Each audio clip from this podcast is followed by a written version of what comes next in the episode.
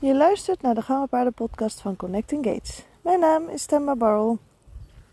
En deze aflevering gaat heerlijk over de speciale bitten of speciale uitrusting voor je paard. Voor gangenpaarden. Als je mijn eerdere aflevering al hebt uh, geluisterd over de visie, dan kan ik denk ik wel bedenken dat je al een idee hebt over hoe dat, dat um, ontkracht mag gaan worden. Maar deze mythe, om het zo te noemen, is super hardnekkig. en wordt nog tot de dag van vandaag gebruikt om speciale bitten, speciale hoofdstellen te verkopen voor gangenpaarden. Meestal zijn dat best wel um, bitten die shanks hebben, uh, scharenbitten. Of um, nou ja, bijvoorbeeld ook, noem maar even een, een duidelijk voorbeeld voor velen, is het IJslandsbit. Dat is eigenlijk een, uh, een scharenbit. En zo zijn er nog heel veel varianten in Amerika voornamelijk ook te vinden. En ik persoonlijk vind veel van die bitten, als ik ook kijk naar Amerikaanse bitten, heel erg marketinggericht. Bij de IJslander is dat net iets anders als zijnde dat het een IJslands bit wordt genoemd. Maar daarnaast verkopen de meeste webwinkels of winkels verkopen daarnaast dan nog allerlei andere bitten. Dus je hebt daarin voor je eigen gebruik je eigen keuze te maken. En dan valt het vooral op dat de IJslandse bitten voornamelijk gebruikt worden op wedstrijden en niet voor gewoon gebruik. Dus dat wil ik er wel even bij gezegd hebben. Um, dat dat meestal wel met een bepaald doel en een bepaald iets is.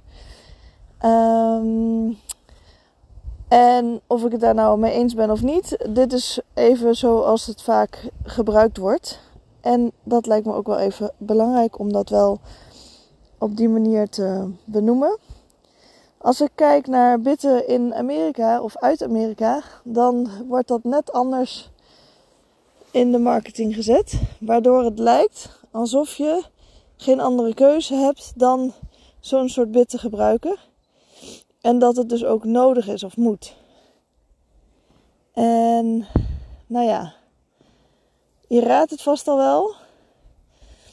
Die vind ik absoluut niet logisch en niet kloppend. Er is geen speciaal bit wat alleen maar gebruikt wordt of gebruikt moet worden voor gangenpaarden.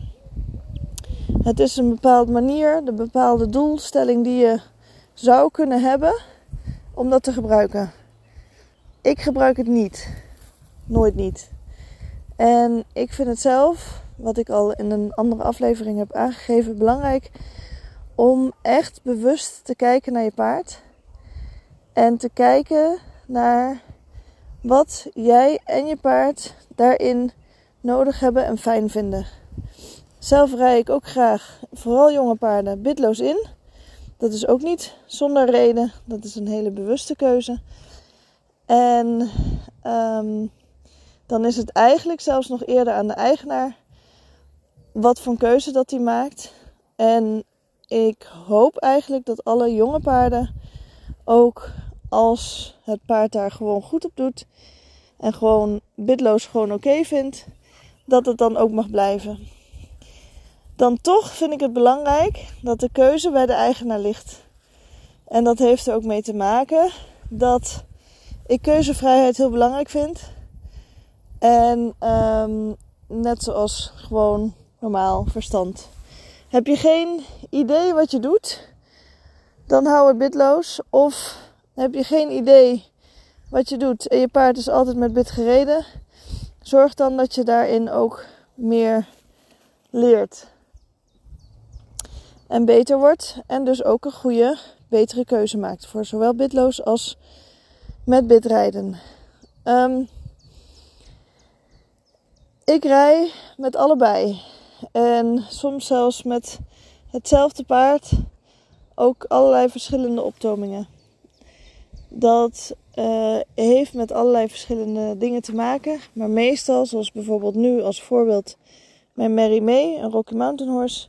Die is met bit gereden, ooit met uh, shanks, dus die scharen, in Amerika. En uiteindelijk op een dubbel gebroken bitje.